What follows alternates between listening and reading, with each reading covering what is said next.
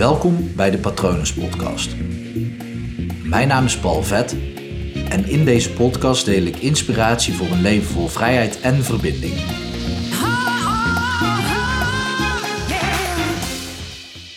Vanochtend vroeg liep ik in het bos. En met vroeg bedoel ik ook echt vroeg. Ik was gewoon kwart over vier. En ja, toen begon het al een beetje te schemeren. En wat, wat heel mooi is in het bos hier in Breda, in Masbos, dat is een van de oudste bossen van Nederland.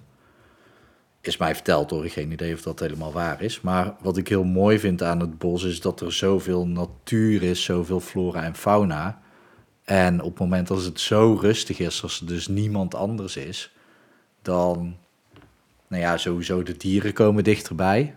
Of ik kom dan makkelijker bij de dieren. Maar het is ook zo stil en zo kalm en zo vredig. En dat is, uh, dat is heel fijn om te ervaren.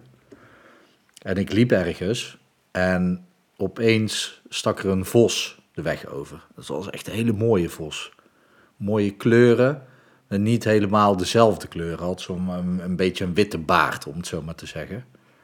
Uh, maar die stak gewoon over, over het pad. En er volgde een tweede en die zag ons, want ik, ik liep samen met iemand, die zag ons en die bleef aan de grond genageld staan naar ons te kijken. Super mooi, want zo stonden, nou ja, de tijd ver, vervaagt dan. Dus ik weet niet of dat het vijf seconden was of twintig seconden. Geen idee. Maar zo stonden we naar elkaar te kijken. En nu is de vos natuurlijk gewoon bang voor ons. Dus opeens werd hij ja, als een soort van knip, zo in één keer. Um, was hier klaar mee en draaide hij zich om en snelde hij zo de bosjes in. Of een zij, ik weet het niet. Geen verstand van vossen. En ja, dat is natuurlijk hoe een beest een trauma op kan lopen, want dat is een bevriesreactie. Nou weet ik niet of dat deze reactie heftig genoeg was voor de vos om dat, om dat moment van bevriezen ook vast te zetten in zijn lijf, of haar lijf, ik weet het niet. Want op het moment als dat bij een mens dus gebeurt, op het moment als er een traumatische ervaring is, de dood in de ogen kijken, letterlijk op dat moment. Want ja, die vos die schrikt van ons en denkt, ja, dat kan wel eens gevaar betekenen. En gevaar in dierrijk betekent gewoon, ja, misschien wel doodgaan. Op het moment als een mens zoiets ervaart, dan wordt dat of vastgezet in het brein en wordt eigenlijk niet meer losgelaten, of het wordt meteen verwerkt. En de middenweg is, en dat is eigenlijk het belangrijkste, een deel ervan wordt verwerkt. Nou, bij een dier is het zo, stel dat de vos wel uh, trauma had opgebouwd in zijn lijf, dan was hij de bosjes ingesneld en dan was hij daar even gaan staan, even alles uit zich schudden, gewoon echt met het hele lijf trillen, zodat de traumatische ervaring los is en dan is diegene het kwijt. Maar wij mensen doen dat niet. Dus een trauma wordt vastgezet in ons lijf. En dat deel wat we kunnen verwerken, dat, dat verwerken we. En een ander deel kunnen we gewoon ook vasthouden in ons lijf voor de rest van ons leven, totdat we daar iets mee doen. En wat dus interessant is, en ik, eh, ik heb het hier in de vorige afleveringen over traumaverwerking ook gehad, ook over gehad, is dat op het moment als je verder opgroeit, dan leer jij, jij jouw eigen zelf leert ja, vaardigheden en kwaliteiten om om te gaan met spannende situaties, laat ik ze zo even noemen. Maar dat deel wat is vastgezet, is op die leeftijd vastgezet. En het kan dus zijn dat er bepaalde triggers zijn die jou terugbrengen naar dat moment. Nu is het zo dat op het moment dat jij het dus lastig vindt om keuzes te maken, als je altijd maar aan het wikken en wegen bent en dan niet eens over grote levensveranderende beslissingen, zoals wel trouwen, niet trouwen, wel verhuizen, niet verhuizen, wel van baan wisselen, niet van baan wisselen, uh, een, binnen het bedrijf waar ik zit een andere functie uh, daarop solliciteren of niet. Nee, het gaat zelfs over de kleine beslissingen. Over, oké, wat wil ik eten vandaag? Wat wil ik eten vanochtend? Wat vanmiddag? Wat vanavond? Wat trek ik aan? Welke tandpasta koop ik? Ik noem maar een paar dingen. Hè? En zelfs daar kan dat van, daarop kan dat van invloed zijn. En als jij dat in jezelf herkent, dat je eigenlijk heel vaak aan het wikken en wegen bent, dan kan dat ermee te maken hebben dat er een trauma in je lijf zit. Want een deel van jou wordt heen en weer geslingerd tussen dat moment van het vastzetten van dat trauma in je systeem naar het hier en nu, naar je volwassen zelf. En als je dus meerdere traumatische ervaringen hebt, dan kan je zelfs tussen delen van jezelf heen en weer schieten. Dus zo kan je heen en weer schieten tussen angstig en onzeker en misschien wel zekerheid en vol vertrouwen. Maar een trauma wat wordt vastgezet in je lijf, dat kan angst en onzekerheid triggeren, maar dat kan ook baldadigheid en vechten triggeren. Of bevriezen natuurlijk. Dus het kan dan ook zijn, eh, terwijl je misschien wel de regen op de achtergrond eh, naar beneden hoort kletteren, het, het kan zijn dat op het moment dat er een keuze gemaakt moet worden, dat jouw brein gewoon letterlijk bevriest, omdat, de, omdat je zo heen en weer geslingerd wordt tussen opties. En dat is super onhandig voor jezelf, want een, één keuze maken op het moment dat je daarover na moet denken en je maakt de keuze, na een x aantal keuzes op een dag, zeg 20, dat is niet helemaal een gemiddelde, maar zeg 20, dan zijn jouw remschijven van je keuzes op. Dus op het moment dat jij heel veel moeite hebt met het maken van een keuze, dan kan het zelfs zijn dat in de ochtend bij het uh, kiezen wat je aan moet trekken en het kiezen wat je wil eten, dat daar ja, op dat moment je remschijven al op zijn en dat je de rest van de dag veel makkelijker heen en weer geslingerd wordt tussen emoties. Tussen onzekerheid en vertrouwen, tussen angst en misschien wel baldadigheid of zelfvertrouwen en uh, paniek kan ook.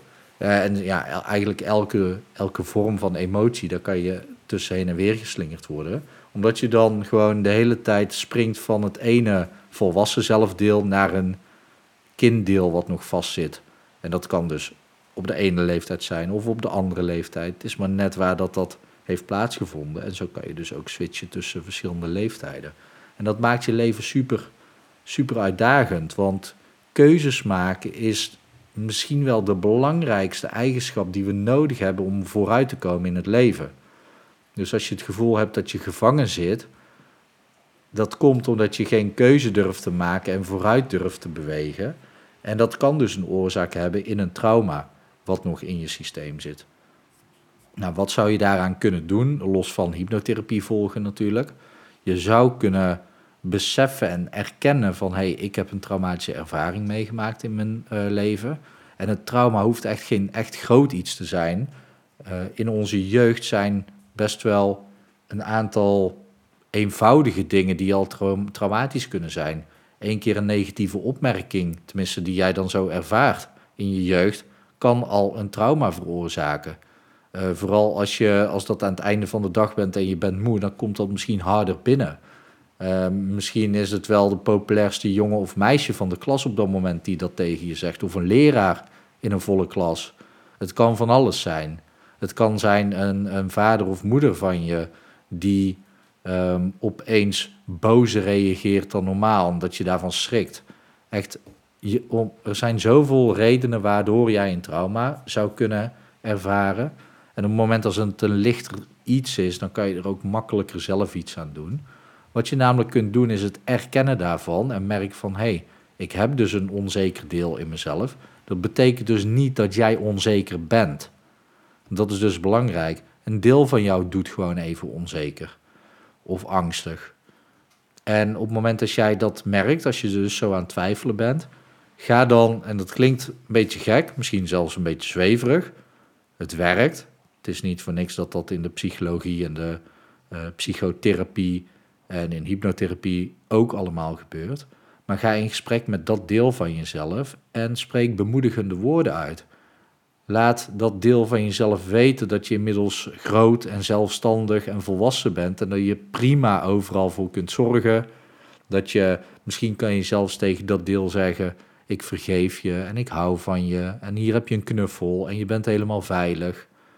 Soms kan je zelfs zeggen, want een, ja, een klein kind kan soms bepaalde dingen nog, nog niet bevatten. En toen sloeg mijn stem even over. Een kind kan soms bepaalde dingen niet bevatten. En soms zou je zelfs tegen dat deel kunnen zeggen: Het is oké, het is veilig. Ga jij maar lekker even buiten spelen. En dat klinkt heel gek, maar je zal merken dat dat best eens kan werken. Omdat dat deel van jezelf gewoon ja, niet, niet doorheeft dat je inmiddels bent opgegroeid. Beter is natuurlijk om dat deel te laten beseffen en te laten ervaren van hé, hey, ik mag gewoon samen met, nou met jou dus, opgroeien naar de leeftijd die je nu bent, omdat je daar gewoon zeker van je zaak bent en prima in staat bent om keuzes te maken. Dat is de beste manier. Ehm, maar goed, dat, het kan zijn dat daar gewoon een therapeut voor nodig is om dat voor elkaar te krijgen. Het is niet voor niks dat, uh, dat het soms gewoon lastig is om het bij jezelf op te lossen. En dan kan je prima zeggen, gewoon als manier om ermee om te gaan. Het is helemaal goed, kleine, en dan zeg je je eigen naam. In mijn geval, kleine Paul. Het is helemaal oké. Ga maar lekker even buiten spelen. Dan regel ik hier alles.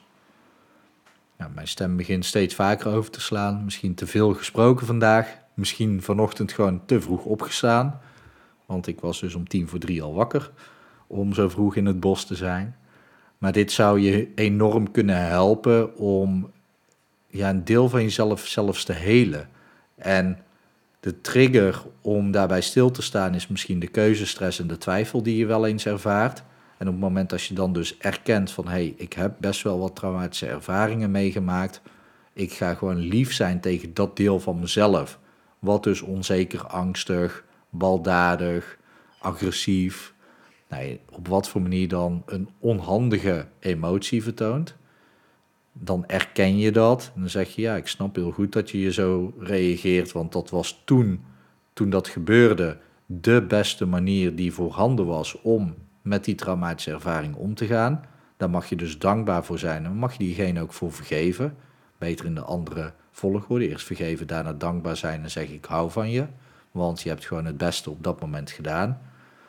En dan gewoon zeggen, nou, nu is het helemaal oké. Ik ben inmiddels opgegroeid. Groei maar samen met mij op. En op het moment dat je dit op een zachte manier met jezelf kunt regelen, dan kunnen er transformerende dingen gebeuren. En dat gun ik je natuurlijk ook. Mocht je hier vragen over hebben, wat ik me zeer kan voorstellen, weet me dan gewoon te vinden via Instagram, hypnopal.nl. Je kan natuurlijk altijd even een mail sturen naar patronen.palvet.com. Ik hoop natuurlijk dat het goed met je gaat en ik hoop dat het goed gaat met dierbaren van je. En ik wens je natuurlijk ook een hele mooie dag toe.